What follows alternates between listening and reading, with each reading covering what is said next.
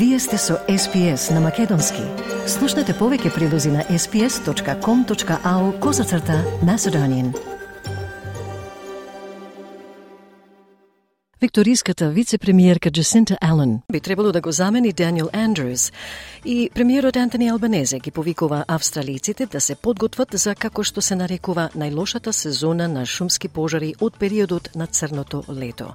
Добар ден, следуваат вести на СПС со Маргарита Василева.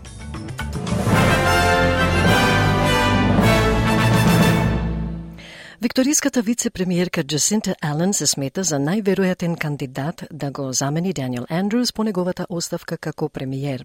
Госпогицата Ален е единствениот пратеник до сега да се пријави како кандидат пред состанокот на пратеничката група на лабористите кој ќе се одржи денеска напладне. Ален на Екс, порано позната како Твитер, рече дека прифаќа кандидатура за да ја продолжи, како што ја нарече, извонредната работа на незината партија. Политичкиот аналитичар Пол Странджио од Универзитетот на Монеш вели дека Даниел Андрюс ја напушта функцијата како титан на викториската политика.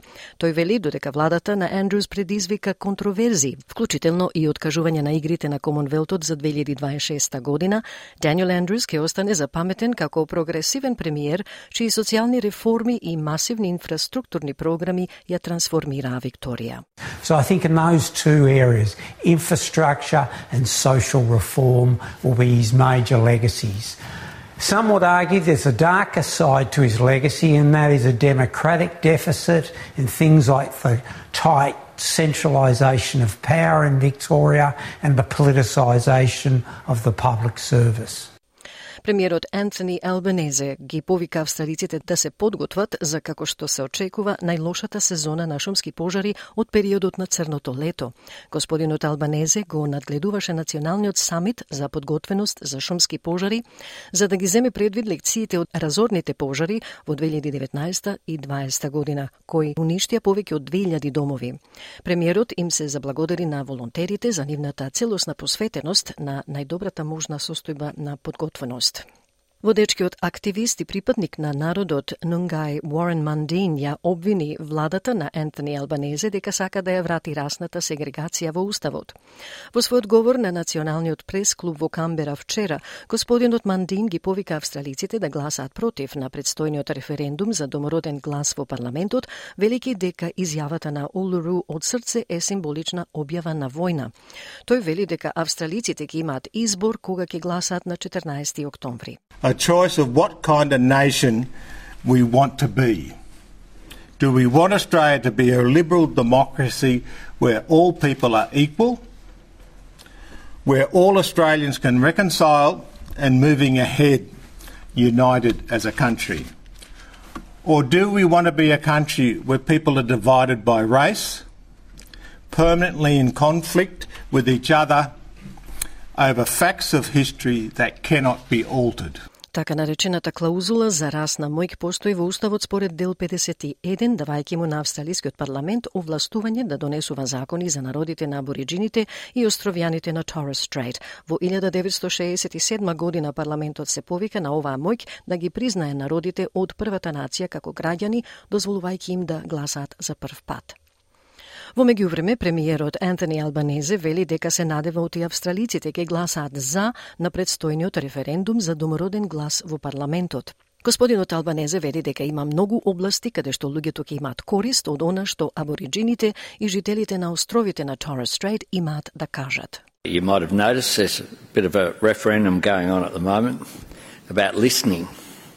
And one of the areas where we can certainly listen to our first Australians is the tens of thousands of years of history about land management, about dealing uh, with uh, care for country, and there is much to be learnt uh, from first Australians.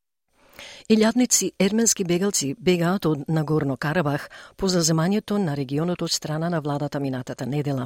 Од тогаш повеќе од 6500 луѓе преминале во Ерменија, а видеата објавени на интернет покажуваат дека планинскиот пат е блокиран од сообраќај. Нагорно Карабах е меѓународно признат како дел од Азербејџан, но е населен со околу 120.000 етнички ерменци. Оважителка е меѓу оние кои побегнале и вели дека не планира да се врати.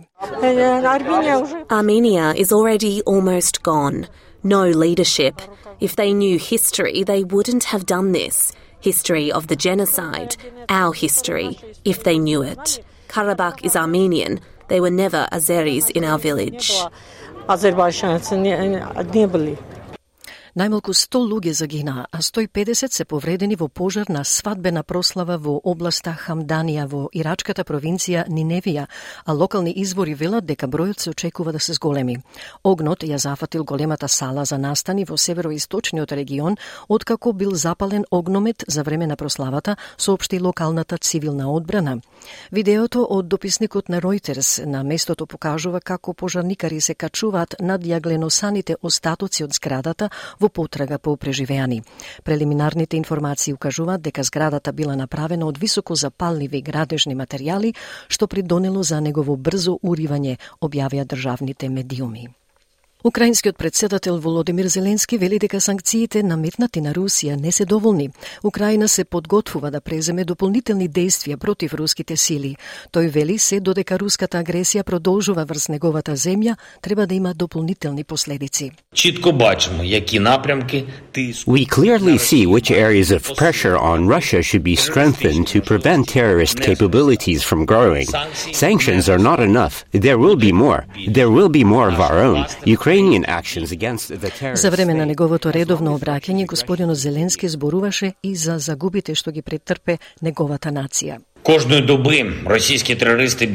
Every day, Russian terrorists hit our towns and villages with rockets and shahids. Almost every night, dozens of drones and various types of missiles are destroyed in the Ukrainian sky. Австралиската и меѓународната асоциација на пилоти бараат оставка од председавачот на Qantas Ричард Гојде.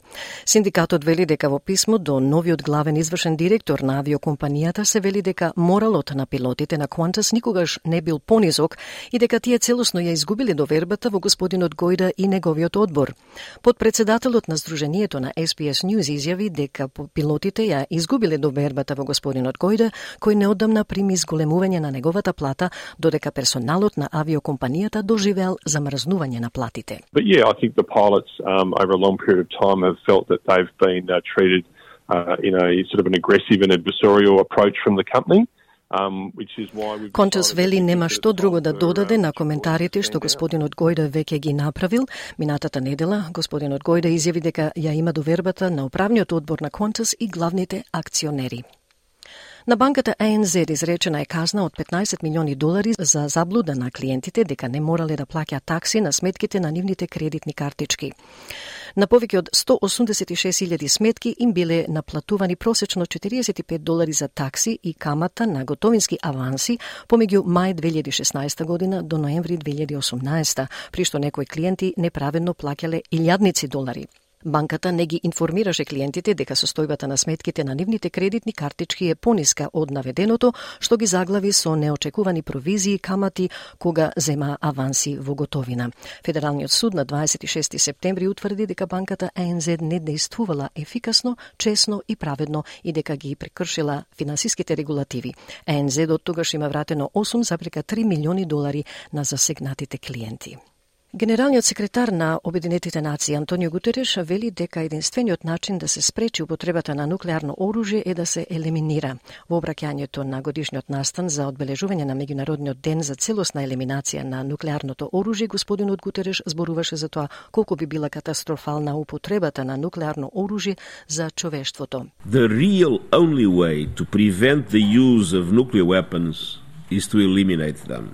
Any use of nuclear weapon anytime, anywhere, and in any context would unleash a humanitarian catastrophe of epic proportions. And this is not hyperbole. This is the timeless message of the Ibakusha, the survivors of Hiroshima and Nagasaki. Во вести од Македонија, Министерката за одбрана Славјанка Петровска на вчерашната пресконференција со незиниот словенечки колега Маријан Шарец изјави дека неодамна протераните руски дипломати од Македонија се обиделе да се мешаат во стратешките национални интереси на државата. Станува збор за лица кои со дипломатски речни кажано работеле спротивно на дипломатските правила, меѓутоа очигледно е дека со правилата или согласно речникот на безбедносно разнаучките служби се обиделе или сакале да се вмешаат малку повеќе во тоа што пред малку го нареков стратешки национални интереси на нашата држава. Нашата стратешка цел е членство во НАТО и во Европската унија секој ден кој сака да го попречи тој пат на Република Северна Македонија, не можеме да го сметаме за пријател. Петровска и Шарец вчера подпишаа и нов договор за соработка во одбраната меѓу двете држави. И железничката линија Битола Скопје во прекин неколку дена поради изгорени прагови од пожарите што гореа во саботата во Пелагонија.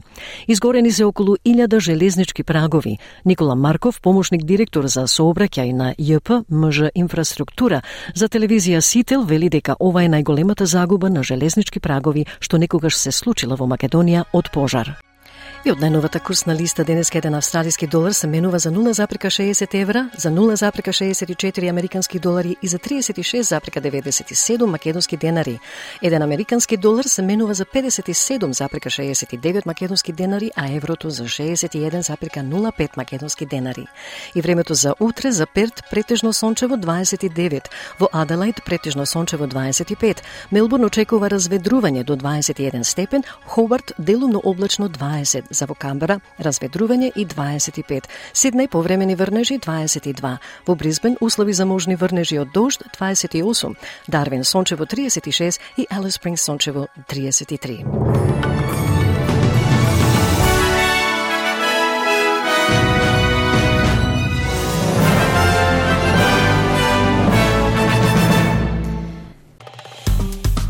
Стиснете, ми се допаѓа, споделете, коментирайте. Следете ја SPS на Македонски на Facebook.